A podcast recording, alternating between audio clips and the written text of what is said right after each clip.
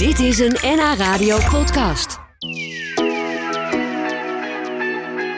Praten over taal. Dat is altijd leuk, want we, gebruiken onze taal natuurlijk de hele dag door. Zonder er bij stil te staan meestal. Maar hoe is die taal ontstaan? Hoeveel kleuren heb je nodig in een taal? En hoeveel manieren om iemand aan te spreken? En waar komt het woord fiets vandaan? Nou, de antwoorden op deze en vele, vele andere taalvragen... die staan in het boek Taalmysteries.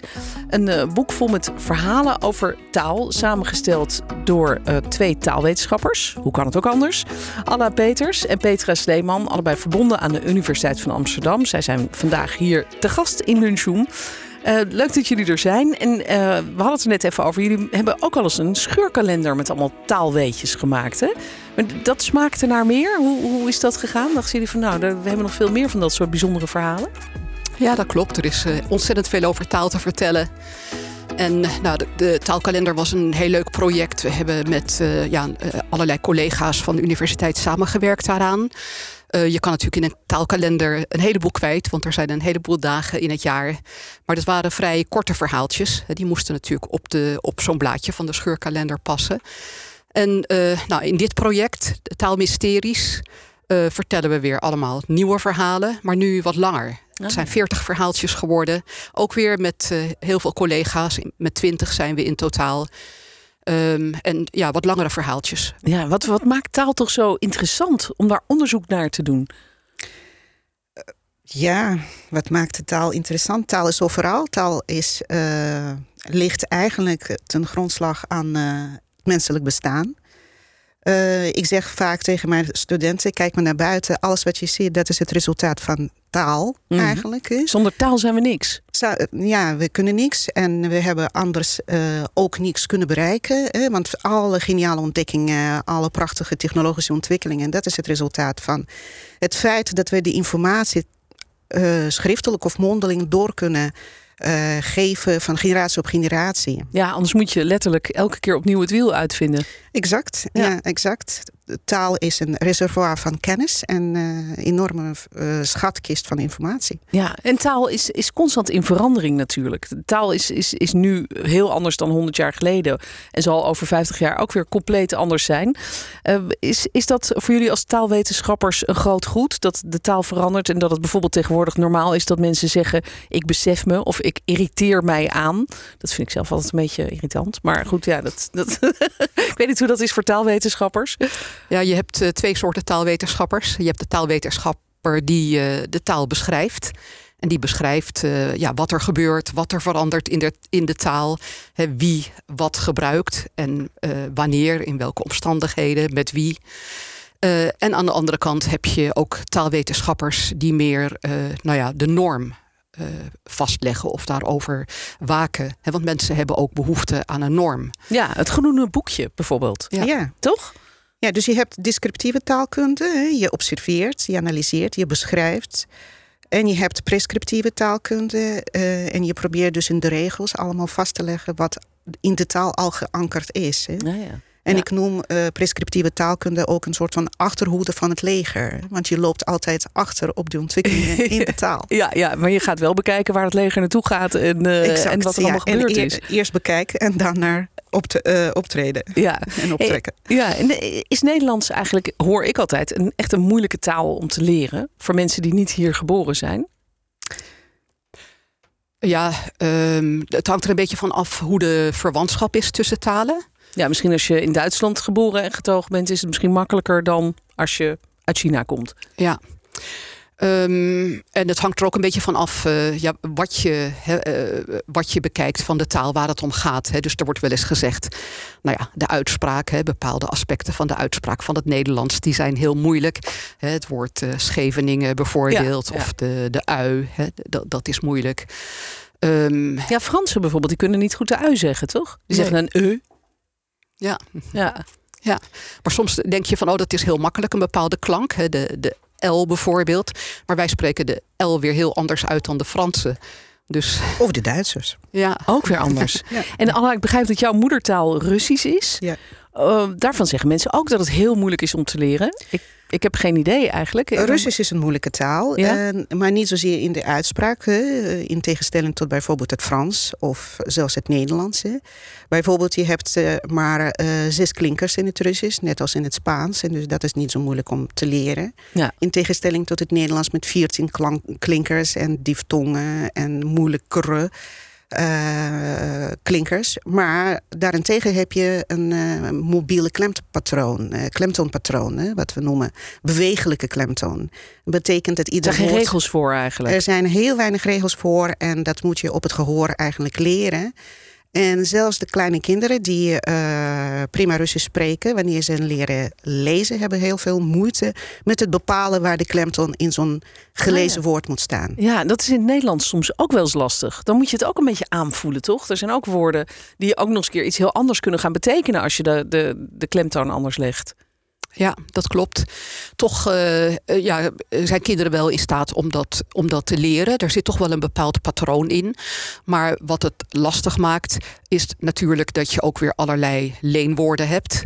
He, bijvoorbeeld woorden die, uh, nou ja, die aan het Frans ontleend zijn met de Franse klemtoon. Oh ja. He, dus cadeau bijvoorbeeld. Met Ja. de klemtoon op de laatste lettergreep. Ja, ja.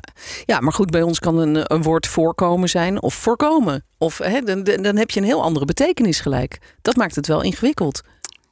Ja, of overdrijven en overdrijven. Ja, precies. Ja. Ja, inderdaad. Ja, Ja, maar dat, dat zijn natuurlijk eh, eh, bijzondere gevallen. En eigenlijk heel weinig voorbeelden heb je van dit soort woorden. Ja. Terwijl in het Russisch dat allemaal aan één stuk door is. Hè? Dus je hebt alle woorden, zelfs die eh, verschillende grammaticale vormen van één en hetzelfde woord kunnen verschillen in de klemtoonpatronen. Oké. Dus dat is wel heel complex. Ja, dat, Ja. dat klinkt ingewikkeld inderdaad, ja. En ik ik lees in jullie boek een, een theorie, dat vond ik ook wel interessant, over het ontstaan van taal.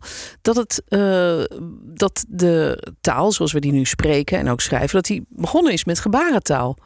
Is, is, dat, is dat echt zo? Of is dat gewoon een theorie die jullie ook heel makkelijk weer onderuit kunnen schoffelen? Het is eh, een van de theorieën. Ehm, de mens is natuurlijk op een gegeven moment gaan spreken, maar niet, ja, niet meteen zoals wij nu spreken. En eh, ja, de mens is waarschijnlijk begonnen met, met klanken. En er is ook een aanpassing geweest. Hè. Dus je hebt eh, ja, een anatomische ontwikkeling gehad die het spreken hè, langzamerhand eh, steeds eh, ja, makkelijker heeft gemaakt. Ja, ja. Zoals we dat nu doen. Maar het is eh, ja, heel waarschijnlijk dat de mens ook gebaren gebruikte. Ja, En ja, dat doet de mens eigenlijk nu nog steeds. Ja. Dat hangt een beetje van de cultuur af. Dus Italianen die gebruiken veel gebaren bijvoorbeeld ja, als ze ja. spreken. ja. Ja. Maar waarschijnlijk heeft het spreken eh, bepaalde voordelen gehad boven het gebruiken van eh, gebaren.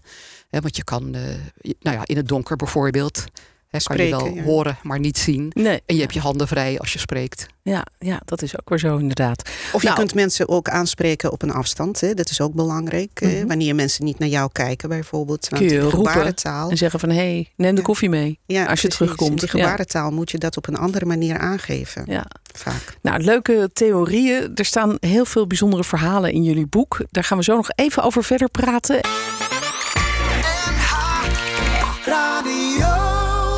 Nou ja, veranderingen in de taal, want die zijn er natuurlijk altijd. En ik kreeg een eh, grappig appje van een luisteraar die zei: Ja, ik erger me toch wel heel erg als mensen zeggen: Ik besef me. In plaats van ik besef. Want je kunt toch niet een ander beseffen? Toen dacht ik, oh ja, dat is waar. Is, is dat iets wat dan opeens... eh, ik heb het idee dat twintig jaar geleden niemand dat zei. En nu opeens iedereen. Verandert dat dan opeens? Waar komt dat door? Weten jullie dat? Nou ja, dat is een prachtig voorbeeld van die eh, zogenaamde analogiewerking in, in de taal. Hè? Dus je hebt een bepaalde constructie. Bijvoorbeeld, ik realiseer me. Oh ja. En dan ga je dat uitbreiden op alle andere constructies... die een beetje qua betekenis erop lijken. Ah ja. Dus En analogiewerking, dat is een eh, zeer oude wet. ja, zo gaat dat nou eenmaal in ons brein. Misschien Ja. dat daarom ook veel mensen dan zeggen... ik irriteer me. Wat eigenlijk ik erger me moet zijn. Ja, dat is precies hetzelfde model. Of iets irriteert me. Ja, inderdaad, ja.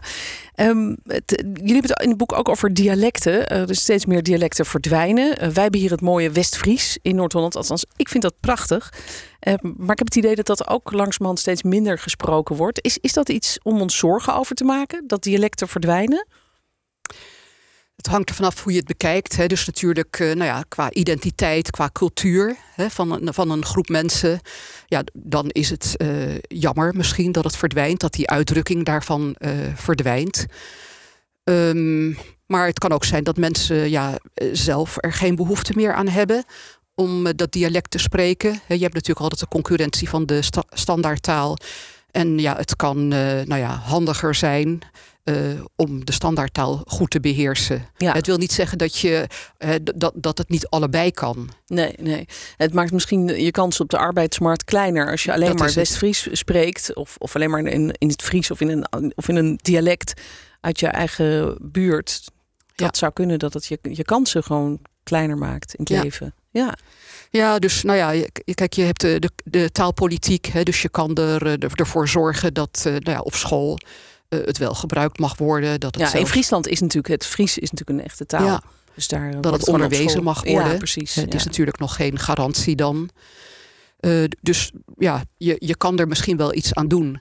Hè, maar de, de kwestie is, nou ja, hebben de sprekers er zelf behoefte aan? Ja, ja en zolang die behoefte er is, dan blijft het wel bestaan, zo'n dialect. Ja, zeker. Nou ja, het kan ook zijn dat het op een gegeven moment aan het uitsterven is. En dat, uh, dat mensen toch denken, oh jammer dat het... Uh, ja. ja. En dat ze toch weer een poging gaan doen bijvoorbeeld tweede taalleerders. Hè, dat ze het als tweede taal gaan leren weer. Ja, en een genootschap oprichten, dat helpt ook nog wel eens, toch? Ja. En daar aandacht voor vragen. Ja. ja. taal zegt natuurlijk veel over de cultuur van een land. En ik uh, zag een uh, artikel over aanspreekvormen. Uh, hoeveel woorden heb je in een taal om, om mensen aan te spreken? Ehm, in Japan, zag ik, zijn dat er heel veel. Hoe, hoe zit dat? Um, nou ja, er zijn verschillende. Precies, er zijn verschillende keuzes die een, een, taal en een taalspreker kan maken. Bijvoorbeeld in het Engels heb je maar één vorm. In het Nederlands, Frans en alle andere talen heb je twee, jij en u.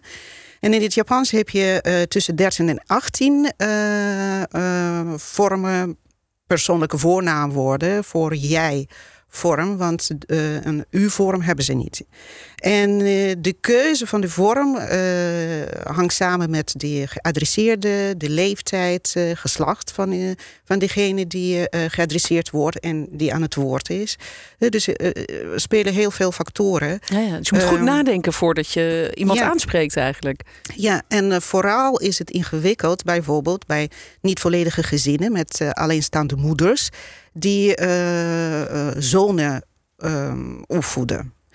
want vrouwen in Japan spreken of gebruiken andere persoonlijke voornaamwoorden ten opzichte van iedereen en zichzelf dan bijvoorbeeld mannen. Okay. En dat betekent dat een jongen alleen maar vrouwelijke vormen altijd hoort als hij continu in communicatie is met zijn moeder.